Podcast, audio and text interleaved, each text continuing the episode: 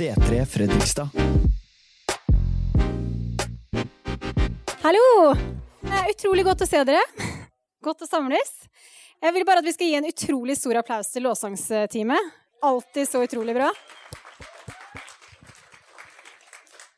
Den høsten her har vært utrolig spennende på veldig mange måter.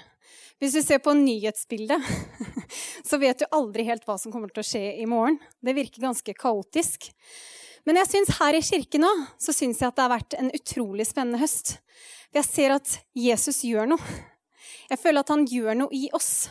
Han klargjør oss for noe som kommer. Han ønsker å forandre oss og gjøre oss mer og mer lik seg selv og forvandle oss. Og det er utrolig spennende, fordi han har store ting for den kirken her i framtida. Og han ønsker å gjøre oss klar. Så jeg føler den høsten her har vært pekt mot Jesus. Og få øya igjen festa på han og si 'Du er viktigst for meg'. Ingenting annet. Jeg velger å stole på deg uansett hva som skjer. Du er viktigst. Og når vi har øya pekt på Jesus, så kan alt skje. Jeg vil også bare si at pastor Rubens preken forrige søndag var så utrolig bra. Jeg fikk ikke vært her, men jeg er så utrolig glad for at vi kan høre på preken etterpå. Så hvis ikke du var her, hør på preken. Den var kjempe, kjempebra. Bare om det å bli transformert, det å slippe Jesus inn i mørket, stole på han, gjøre han større enn alt det som var vanskelig. Utrolig, utrolig bra. Og ta det med deg, for det er så mye man kan høre. Men det er et valg, det å la ordet forandre det. Det er noe vi må gjøre. Vi må si OK, Jesus, å, jeg ser de områdene i livet mitt. Kom inn. Kom inn i det mørket her. Jeg ønsker å tro på deg. Vi må ta et aktivt valg. Og sånn er det i dag òg, så jeg har bare lyst til å begynne å be, egentlig. Jesus, jeg vil bare takke deg for at du er her nå. Takke deg for at du er nær. Jeg vil takke deg for at det er ikke mine ord som kommer til å forandre noe som helst, men det er dine. Så jeg ber om at du må tale gjennom meg i dag, Jesus. Alt som er av meg, at det bare må bli lagt ned, men at det er du, det er du som får tale i dag, Jesus. Og at det må treffe hjerter, og at vi alle kan gå ut herfra forandra. Mer lik deg. Det ber jeg om, Jesus. Amen. Så jeg skal også snakke om det å bli transformert, men fra en litt annen vinkel. Fordi at Jesus han ønsker hele tiden å gjøre oss mer og mer lik seg selv for å klargjøre oss for det han har for oss. En hel evighet sammen med han. Han vil klargjøre oss og for det han har for oss her og nå også. Og ofte når vi føler at Jesus sier noe, jeg vet i for meg sjøl, at når jeg føler at Jesus sier noe, så har jeg bare så lyst til å hoppe rett uti det. Åh, jeg, jeg er med, jeg gjør det nå. Men så er det ikke alltid det er ment for noe. Han sier, vent, det er så mye jeg skal gjøre i det før det løftet der kan bli oppfylt. Så temaet for preken min i dag det er å vente på det umulige. Jeg liker ikke å vente. Jeg syns det er vanskelig. Jeg må også bare si, når jeg forberedte meg på den preken her, da følte jeg at jeg venta på det umulige. Jeg pleier å forberede meg veldig tidlig. Jeg liker å ha alt ferdig. Jeg går gjerne gjennom preken ganske mange ganger før jeg kommer hit. Jeg fikk ingenting før på torsdag morgen. Da er jeg stressa. Jeg sa flere ganger til Pete kan ikke du bare ta den preken, da? Du har alltid noe i baklomma. Og nei, det er du som skal ta den. Ah, men heldigvis så kom det. Jeg følte jeg venta på det umulige, men Jesus er over det umulige. For han vil at vi skal vente fordi han ønsker å bygge noe i oss. Han ønsker å bygge noe i oss så vi kan håndtere det han har lyst til å gi oss eller det han har lyst til å sette oss inn i. Han har lyst til å sette oss opp for en vind, så ikke vi feiler med en gang når vi får det som vi ber om, får det løftet som vi venter på, blir satt i det kallet som vi har lyst, eller som vi vet at vi skal bli satt i. Han har lyst til å sette oss opp på en vind og gjøre oss klare mens vi venter. Og det er alltid vanskelig å vente. Men om vi kan ha øya festa på Jesus, klamre oss til han, så kan han transformere oss i den ventetida. Den jeg skal prate om i dag, som virkelig ble testa, og som hadde en lang ventetid, er Abraham. Nå kommer Hege med Det gamle testamentet igjen, og en, en av dem ja, stamfedrene. Jeg syns at det var veldig vanskelig før Jeg må ta av den her. Jeg synes det var veldig vanskelig før å lese Det gamle testamentet. Jeg klarte liksom ikke helt å se den Jesus som jeg hadde blitt kjent med i Det gamle testamentet. Men jo mer jeg leser det, jo mer ser jeg at det er så mye gull i Det gamle testamentet. For hele veien så peker det på Jesus. Hele veien. Det peker på en Gud som har gleda seg til å åpne opp veien for oss og sier nå, jeg ønsker at dere skal komme inn. Jeg ønsker å klargjøre veien for dere.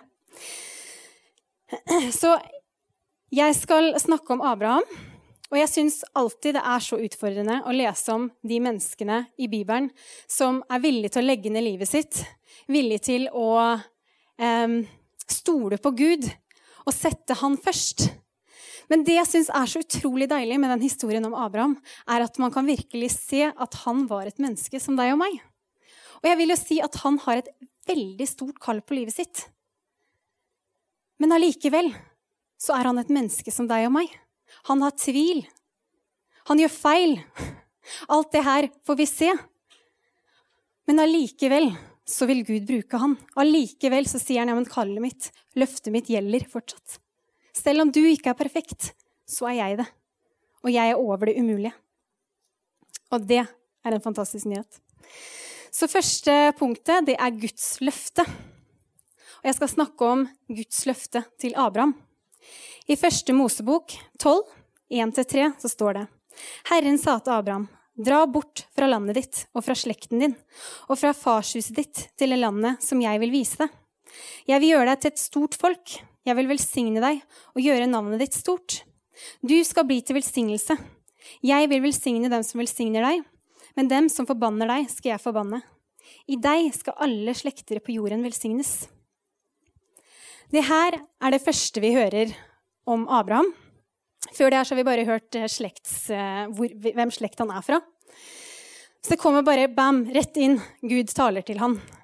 Eh, og vi vet jo egentlig ikke så mye om Abraham, men vi kan jo se her at det er en mann som lytter til Gud. Som hører hans stemme. Som følger Gud. Og her kommer Gud med et løfte til Abraham. Han sier, 'Jeg skal gjøre deg til et stort folk'. Og det er et ganske stort løfte til en som er 75 år gammel. Kona også gammel. Sarai. Stort løfte til noen som er barnløse. Når du er 75 år, tida begynner å renne ut. Jeg skal gjøre deg til et stort folk. Ikke bare det. Det folket som skal komme ut av deg, Abraham, det skal være mitt folk. Jeg skal være med dem. Jeg skal være deres Gud. Alle som velsigner dem, skal jeg velsigne. Og dem som forbanner dem, skal jeg forbanne. Det er mitt folk.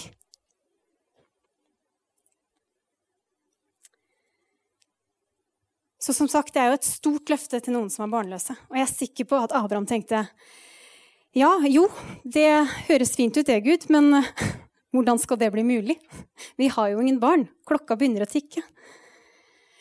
Men Gud han krever også her lydighet fra Abraham. Han gir et løfte, og så sier han, 'Men Abraham, er du villig til å ta et steg i tro sammen med meg? Er du villig til å forlate det stedet som du har bodd i i 75 år? Det stedet som er trygt, der du kjenner, kjenner til alt? Er du villig til å ta et skritt og gå sammen med meg? Og det som er så morsomt her, er at Gud sier jo ikke hvor han skal gå. Han sier bare 'dra til det landet som jeg skal vise deg'. Ja, takk. Ja, men da begynner vi vandringen. Men Gud vil, vil se om Abraham er villig han vil se om Abraham er villig til å stole på Gud. Til å ta det skrittet og si, 'Ja, jeg velger deg. Jeg stoler på deg.' 'Jeg ser det løftet. Det ser umulig ut.' Men jeg velger å stole på at du kan gjøre hva som helst. Jeg velger å stole på at når jeg begynner å gå, så leder du veien. Du vil lede meg til det landet som du har. Han vil se om hjertet til Abraham er på rett plass. Og om han er klar for å få det løftet her oppfylt? Er jeg først i livet ditt? For Gud ser på hjertet. Han ser elsker du meg? Ønsker du å følge meg? Han krever ikke at vi skal være perfekte, men han vil se på hjertet. Abraham tar med seg Han er lydig. Han tar med seg kona si Sarai og nevøen Lot, og de drar av sted. Og de, de drar til Kanan, og der snakker Gud til Abraham igjen. Han sier, jeg vil, deg, 'Jeg vil gi, dette landet til din ett'. Så nå viser han jo det her er det landet. Det her er det jeg skulle vise deg. Og igjen bekrefter Gud, 'Jeg skal gi det til din ett'. Løftet står. Jeg skal gi det til deg, til din ett, dine etterkommere. Og da gjør, med en gang etter at Abraham har fått det ordet her, så gjør han noe som jeg syns er så utrolig bra, som jeg tror at vi alle kan lære av. Han bygger et alter for Gud på det stedet hvor han har talt. Han bygger et alter for å ære Gud, for å peke og si 'Jeg vet hvor stor du er. Du er hellig, du er verdig.' Men også for å huske det løftet. For vi kan så fort glemme. Men Abraham har lyst til å huske det løftet. at han kan, Hver gang han tviler, kan han se på det alteret og si nei, men det løftet står. Gud har talt. Han er god. Og det er noe vi ser Abraham gjøre flere ganger i Bibelen. Han bygger et alter for Gud når Gud har talt. Han bygger et alter for å huske de løftene som Gud har gitt, og for å takke Gud for det som kommer. For å ære Han for Abraham hadde øya festa på Gud. Imellom her da, så er det mye som skjer, for Abraham flytter til Egypt fordi det er hungersnød i Kanan. Og der så ser vi også at han ikke er perfekt. Han lyver om at Sarai er bare søsteren hans, ikke kona. Eh, og ja, i frykt for å bli, bli drept. Og man ser at han ikke alltid stoler på Gud. Men når han kommer tilbake til Kanan, selv om Abraham ikke har vandra perfekt, så sier Gud igjen til han, 'Løftet mitt står'. Han taler igjen, selv om Abraham ikke er perfekt. Så i første Mosebok 13, 14-17 så sier Herren Herren sa til Abraham, etter at Lot, Lot hadde skilt lag med ham, ja, unnskyld, Herren sa til Abraham etter at Lot hadde skilt lag med ham, løft blikket og se deg omkring fra det stedet der du står, mot nord og sør, mot øst og vest, for hele det landet du ser, vil jeg gi deg og din ett for alltid. Jeg lar din ett bli som støvet på jorden. Kan noen telle støvet på jorden, skal også din ett kunne telles. Stå opp og dra omkring landet på langs og på tvers, for det er deg jeg vil gi det til. Det å få et løfte fra Gud, eller et kall, eller en profeti, at noen taler noe over deg, det er alltid spennende. Man blir så utrolig gira. Og sånn som jeg sa i stad, det Abraham gjorde med å bygge et alter Jeg tror det er så viktig at vi gjør det. At vi skriver ned alt det Gud taler til oss. At vi tar vare på det, at vi holder det tett i hjertet. Så vi alltid kan si 'Jesus, jeg vet hva du sa'. Selv om jeg må vente, selv om ventetiden blir lenge, så vet jeg hva du sa. Jeg vet det løftet du har for meg, eller om det er et løfte i Bibelen som vi holder fast ved. Om vi venter på helbredelse. Ja, jeg vet at Jesus han helbreda alle han møtte. Jeg vet at helbredelse er for meg, men jeg ser det ikke nå, men jeg holder fast i det. Jeg bygger et alter i hjertet mitt hvor jeg takker Han for det som kommer. Jesus, jeg vet at du er god. Jeg vet at du er trofast. For når vi, når vi, begynner å gjøre det, når vi begynner å bygge det alteret i hjertet vårt, og vi stoler på Han til tross for at alt ser umulig ut, så blir vi forandra. Vi velger å stole på at Han vil gjøre det Han har sagt. At Han er god uansett. For Gud, han tester oss ofte. Han klarer oss i den ventetiden. Han vil ikke gi oss noe vi ikke er klar for ennå. Og han vil ikke gi oss noe vi kommer til å ta æren for selv. For hvem hjelper det? Han ønsker å skape en karakter i oss mens vi venter. Så Abraham han blir testa, og det er neste punktet mitt. For Abraham han har fått det her løftet fra Gud, og han har fått det flere ganger allerede. Gud er god. Han har bekrefta det gang på gang for Abraham, for han så at Abraham, du trenger det. Du trenger det. Men han må vente lenge for å få det løftet oppfylt. Og jeg kan se for meg at det er utrolig frustrerende å vente på det løftet når du ser at åh, jeg begynner å bli kjempegammel, Sarai er gammel. Hvordan, hvordan kan det her være mulig? Altså, Nå begynner det å bli helt umulig. Hvorfor drøyer du, Gud? Hvorfor må vi vente? Hva er vitsen? Hvorfor kunne ikke bare, hvorfor kunne ikke bare Gud ha latt Abraham og Sarai få barn med en gang? Fordi han ønska å bygge noe først. Han ønska å gjøre noe både i Abraham og Sarai, men også for alle andre som fikk høre om det her etterpå. At det er kun Gud som kunne gjort det mulig. Ingen menneske, ikke noe annet. For Guds timing er alltid det aller beste. Og han ønsker å komme nær oss. Og som jeg sa, han ønsker å være på tronen av livet, livet vårt. Han ønsker å være nummer én, og han ønsker å gjøre oss mer og mer lik seg selv. Så Abraham han begynte å bli ganske lei etter hvert. Og igjen, det å kunne se at han tvilte. Han var ikke perfekt. Så han begynner å tvile på om det noen gang kommer til å skje. Gud, nå har det tatt lang tid. Hvor blir det av det løftet ditt? Sarai er fortsatt ikke gravid. Vi har fortsatt ingen barn. Hvor blir det av? Og da snakker Gud til Abraham og sier, Vær ikke redd, Abraham. Jeg er ditt skjold, jeg er den som passer på deg. Lønnen din er stor. Bare hold ut. Men Abraham han svarer Gud i frustrasjon og tvil. Og det er utrolig godt å se, for det gjør jeg ofte òg. Ja, men Gud, det har jo ikke skjedd noe ennå. Altså, hvis ikke du gjør noe nå, så er det Eliaser fra Damaskus som skal arve alt jeg eier. Jeg har jo ingen barn. Da blir jo ikke løftet ditt oppfylt. Hvor er du hen? Jeg venter fortsatt. Og Gud er så god, for selv om Abraham tviler, så kommer han igjen med bekreftelse. Han ønsker å betrygge Abraham og si ja, men det kommer. Det jeg har sagt, det kommer. Jeg holder det jeg lover. Jeg er trofast. Da sier han i første Mosebok 15, 4-6. Da kom Herrens ord eh, til ham. Han skal ikke arve deg, men en av ditt eget kjøtt og blod skal arve deg. Så førte han Abraham ut, Abraham ut og sa til ham, Se opp mot himmelen og tell stjernene, om du kan telle dem. om du kan telle dem. Og han sa, Så tallrik skal ætten din bli. Abraham trodde Herren, og det ble regnet ham til rettferdighet. Så selv om Abraham tvilte på det Gud hadde sagt, og begynte å lure på om det noen gang kom til å skje For det så jo helt umulig ut. Hadde Gud medlidenhet med Abraham? Han kom igjen og sa, 'Løftet mitt står.' Jeg har ikke glemt det. Jeg har ikke glemt deg. Det kommer til å skje. Bare hold ut litt lenger. La meg gjøre det jeg har lyst til å gjøre først, i deg, så du er klar. Og han ga igjen løftet, betrygga, og sa det skal skje.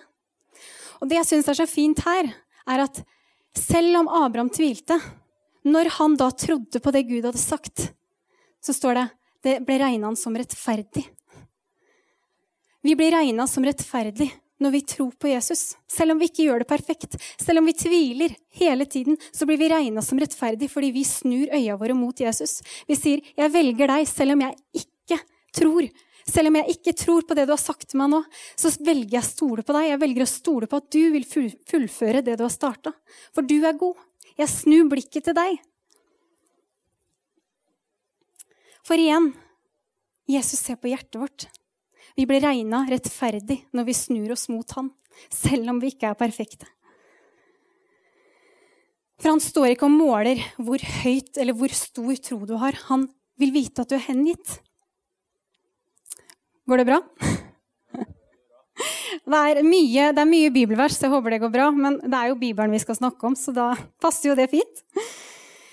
Eh, så etter at Abraham har fått løftet sitt enda en gang, så er det Sarai som begynner å bli utålmodig. Og akkurat i det her så er det noe jeg kan virkelig kjenne meg igjen i. Hun begynner å si at nå har klokka tikka forbi meg. Altså, nå må vi gjøre noe her. Gud har ikke tenkt å gjøre noe, så da må vi gjøre noe. Vi må ta fatt. Vi må gjøre det naturlig, på naturlig måte. Vi må få det til å skje. Så hun gir sin egyptiske slavekvinne til Abraham og tenker at ja, ja, med henne kan jeg få en sønn, og da vil løftet bli oppfylt. Men det er jo ikke det Gud hadde tenkt. Og det åpner opp både for misunnelse og for vanskeligheter mellom Abraham og Sarai, som de kunne vært spart for. For det er jo det som er Jeg vet for meg sjøl, jeg har så lett, som jeg sa i stad, man har så lett for å bare hoppe uti det Gud har sagt. Hvis man ser at jeg har et kall på livet, jeg skal være en leder, eller jeg skal være en misjonær, eller hva det er, så er det ikke alltid så lett å vente på det neste steget fra Gud. Men hvis vi går før han, så er det ikke alltid det blir sånn vi hadde sett for oss. Og vi kan bli så skuffa. Men han ønsker å gjøre oss klare først og si, 'Vent, jeg lover. Jeg skal gi deg skritt for skritt du, hva du skal gjøre, hvordan du skal gå.' For jeg ønsker å gjøre noe i deg. Jeg ønsker å klargjøre deg, så du skal klare å stå i det jeg har for deg. Og Gud, han er god. Han velsigner Ismael, som er sønnen til Abraham og slavekvinnen. Og det blir også en stor slekt. Så Gud, han er god. Men det beste hadde vært om de hadde venta. For det her blir jo Mellom de to folkeslaga så blir det jo um, Det er jo krig mellom dem hele veien. Mellom jødene og muslimene. Så hadde det vært best å vente. Unnskyld, nå hoppa jeg litt ut. ja, takk. Men i den testinga så er det så lett at vi mister motet. Det er så lett at vi begynner å tenke ok, det kommer ikke til å skje for meg. Om du venter på helbredelse, f.eks. Sånn som Ruben sa sist, det blir sånn mørke. Det blir et sted hvor Gud blir liten. Det blir et sted hvor djevelen blir større. Og vi begynner å tenke ja, ja, jeg tror på Gud. Jeg tror at han kan gjøre hva som helst på alle de andre områdene i livet mitt. Men helbredelse, det tror jeg egentlig ikke noe på lenger. Og jeg kjenner meg igjen i det. Jeg har venta på helbredelse i over ti år. Og jeg vet at det kommer, men så har jeg tider hvor jeg kjenner at nei, vet du hva, jeg tror på alt det andre, men at han helbreder, det tror jeg ikke på lenger. Ikke sant jeg sier det ut høyt, men i hjertet mitt så tenker jeg det. At det er ikke mulig. Man gir litt opp. Man tenker at ja, ja, men jeg må bare godta at sånn her er det. Jeg må bare godta at jeg er syk. Jeg må bare godta at jeg ikke får trådd inn i det kallet jeg har lyst til. Eller jeg må bare godta at kallet ikke ble akkurat sånn som jeg hadde tenkt. Istedenfor at vi venter, istedenfor at vi spør Jesus hvordan er din timing? Hva sier du? Hva er neste steget du vil at jeg skal ta? For jeg er her. Jeg vet at det løftet du har sagt, det kommer til å skje. For du er trofast. Du svikter aldri. Og når det ser umulig ut for meg, så er det mulig for deg. Når det ser umulig ut for meg, det er da du virkelig kan gjøre noe. For da kan ikke jeg gjøre noen ting. Jeg kan bare klamre meg til deg.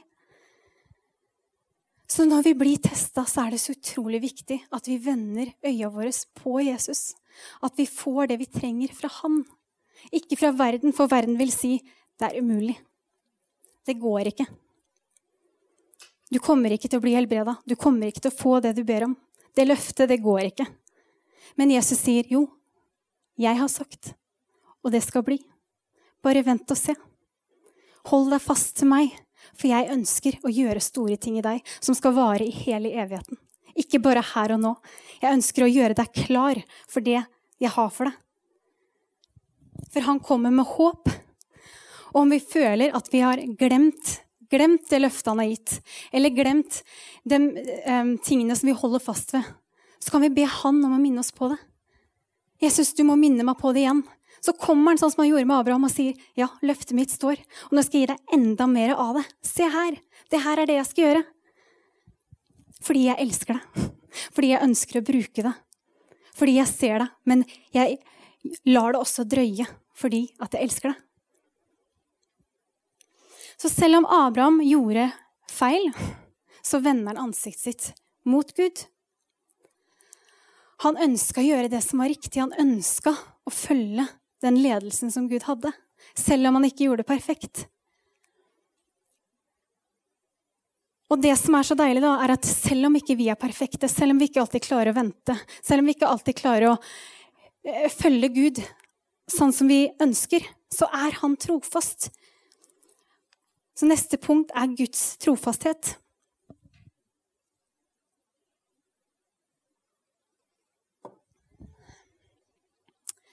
Abraham har gjort mange feil, men han fortsetter allikevel å holde fast på det løftet som Gud har gitt.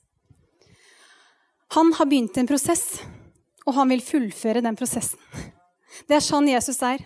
Når han har starta noe, så vil han fullføre det. Han etterlater deg ikke halvveis. Han vil vise Abraham at ingenting er umulig for meg. Ingenting. Han vil vise Abraham at han er en god far, og at han holder det han lover. Og Gud vil vise at det ikke handler om å få det til, men det handler om hva Gud kan gjøre. Det er ikke vi som skal få det til, men det er han. Og han vil vise at han ikke krever at du er perfekt, men at han ser på hjertet. Han ser hvor, hvordan du lengter etter han, hvordan du lengter etter å komme nærmere han. Han ser på den lengselen. Første Mosebok 17, 4-5. Se, se, dette er min pakt med deg. Du skal bli far til en mengde folkeslag. Du skal ikke lenger kalles Abraham, men Abraham skal navnet ditt være. For jeg gjør deg til far for mange folkeslag. Så etter at Abraham har gått på en smell, fått sønn med slavekvinna til Sarai, så utvider Gud løftet sitt. Han sier at nå skal du ikke bare bli far til ett folkeslag, men til mange. Jeg bytter navnet ditt. Du skal hete Abraham, som betyr far til mange. Jeg gir deg et nytt navn for å vise at løftet kommer. Det er rett rundt hjørnet nå. Bare hold fast. Og Abraham han er nå 99 år gammel. Og Sarai er 90 år. Det ser ikke så veldig lyst ut. Det ser ikke så veldig mulig ut. Altså Når du er 90 år, da er det faktisk ikke mulig å få barn. Og Abraham han responderer, eh, responderer til Guds løfte i tvil og sier ja, men Ismail han kan du la leve for ditt ansikt. Han kan du velge. Han kan være løftet. Han kan være svaret på løftet. Han gir rett og slett opp og håper at det kan være en annen løsning. Men Gud har noe større. Og Gud sier til Abraham, 1. Mosebok 17, 19, da sa Gud, sannelig, din kone Sara skal føde deg en sønn, og du skal gi ham navnet Isak. Jeg vil opprette min pakt med ham, en evig pakt for hans etterkommere. Sara hadde det ikke lenger på kvinners vis, står det i Bibelen. Hun kunne ikke få barn. Det var helt umulig. Helt umulig. Men det er da Gud kommer. Når det er helt umulig for oss. Sara får en sønn, hun får Isak, som de har venta på i 25 år. Og Saras eh, respons da, det er at hun sier, 'Gud, du har fått meg til å le.' Og alle som hører det her, kommer til å le med meg. Det er helt latterlig, Gud. Men du har gjort det. Alle som hører det her, kommer til å le med meg, fordi det er ingen annen vei eller utvei enn at det her er Gud. Det er kun du som kan få til det her. Gud har gjort det umulige mulig, og ingenting er umulig for ham.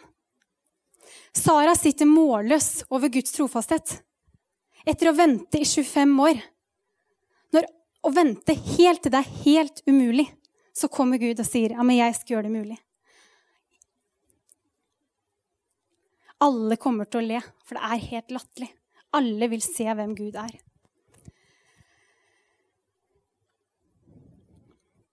For når alt ser umulig ut, da føler jeg at da er vi egentlig på den beste plassen. For det er da vi kan virkelig lene oss til Gud og si OK, igjen, her, nå kan ikke jeg gjøre noe. Det er helt umulig. Men nå er det du som kan gjøre noe. Det er da vi virkelig kan bare klamre oss til Han og si hvis ikke du kommer nå, så skjer ingenting. Du må ta over, for det er umulig.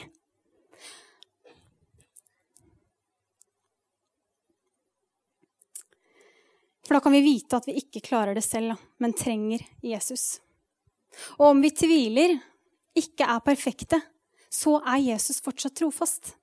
Selv om vi gjør feil i den ventetida, selv om vi går på smell, han er fortsatt trofast. Han ser det. Det løftet som han har sagt, det står fortsatt. Selv om vi ikke klarer det perfekt. Jeg syns det er så utrolig deilig. Og som jeg sa, det er noe av det beste jeg vet å lese om Abraham, er at han gjorde mange feil, men allikevel så brukte Gud han stort. Han kom og oppfylte løftet når det så umulig ut. Hver gang når Abraham snudde seg med tvil mot Gud, så kommer Gud med løftet på nytt og sier, 'Ja, men du kan tro. Se her.' Uten å dømme han, uten å si 'Abraham, du er ikke bra nok. Nå er løftet borte.' Det går ikke. Jeg kommer ikke til å la det skje. Jeg må velge noen andre. Nei, Gud står der og sier, 'Du, eh, selv om du tviler, selv om du ikke er perfekt, så kommer løftet.' Men så, etter at løftet har blitt oppfylt, etter at Abraham har fått det han har venta på i 25 år, så spør Gud igjen Abraham, er du fortsatt trofast mot meg? For Gud, han vil vite om vi ikke skulle få det vi venter på. Om løftet ikke skulle bli oppfylt, vil vi fortsatt følge den? Selv om alt ser mørkt ut, vil vi fortsatt følge Gud? Vil vi fortsatt ha hjertet vårt retta til Han? Selv om vi ikke blir helbreda? Selv om vi venter og venter og ingenting skjer? Er Jesus viktigere? Er han viktigere enn alle de tingene? Så etter at Abraham, Abraham endelig har fått sønnen, endelig har fått det løftet han har venta på i 25 år, så blir han testa på ny. For Gud vil se Abraham, er du fortsatt trofast? Er jeg fortsatt viktigere enn det løftet jeg har gitt deg? Eller er løftet blitt mer viktig enn meg? Stoler du fortsatt på meg? Stoler du på at hvis jeg sier noe, så er det til det beste? Stoler du på min ledelse? Er jeg viktigere enn det jeg har gitt deg? Ta med litt vann igjen. Spruta rett i øyet mitt òg. Ja, ja. Så Gud han ber Abraham å ta med Isak opp på fjellet for å ofre ham. Eh, vi vet ikke hvor gammel Isak er, men han er gammel nok til å gå selv. Han er gammel nok til å spørre pappaen sin hvorfor har vi ikke med et offerlam, hvorfor har vi ikke med et dyr å ofre. Så kan vi jo tenke at han ja, i hvert fall er over tre, da. Men jeg tror han var eldre enn det. Men uansett, Abraham han går opp på fjellet, stoler på Gud, er villig til å ofre sønnen sin. Er villig til å ofre det løftet som han har venta på i 25 år, fordi han har sett at Gud er god. Uansett så er Gud god. I den ventetida så har han fått sett at han er over det umulige. Så jeg trenger ikke å være redd. Det Gud ber meg om å gjøre, det er for det beste. Jeg kan stole på han. Så Abraham er villig, og akkurat idet han skal ofre sønnen sin, så roper Gud, 'Nei, stopp! Ikke gjør det! Jeg skulle bare teste det. Jeg ville se hvor hjertet ditt var. Er du fortsatt trofast?' Og svaret var ja. Og da ropte Herrens engel til Abraham, 1. Mosbok 22, 15-18. Da ropte Herrens engel til Abraham fra himmelen for andre gang og sa, Jeg sverger ved meg selv, sier Herren, fordi du gjorde dette og ikke sparte din eneste sønn, vil jeg velsigne deg rikt og gjøre din ett så tallrik som stjernene på himmelen, og som sanden på havets strand. Din ett skal innta fiendens porter. Ved din ett skal alle folkeslag på jorden velsigne deg fordi du har hørt på meg. Så Abraham besto testen. Det er ganske ekstremt det å skulle ofre sin egen sønn. Men hele poenget var er jeg fortsatt viktigere enn løftet? Er jeg fortsatt viktigere enn det jeg har gitt deg? Og jeg tror ikke han kommer til å spørre oss om å ofre sønnen vår. Jeg tror ikke det, jeg håper ikke det. Jeg hadde ikke klart det. Men det er hele poenget at han ønsker å se er jeg det viktigste i livet ditt. Hvis jeg skal gi deg det kallet her, er jeg viktigere enn kallet? Eller kommer kallet til å være viktigst for deg? Kommer kallet til å være din identitet, eller er jeg det fortsatt? Han ønsker å teste oss for å gjøre oss klare. Og etter at vi har fått det, så ønsker han å vite at vi peker mot han uansett. Vi tar ikke æren sjøl, men vi gir han ære, for han er god.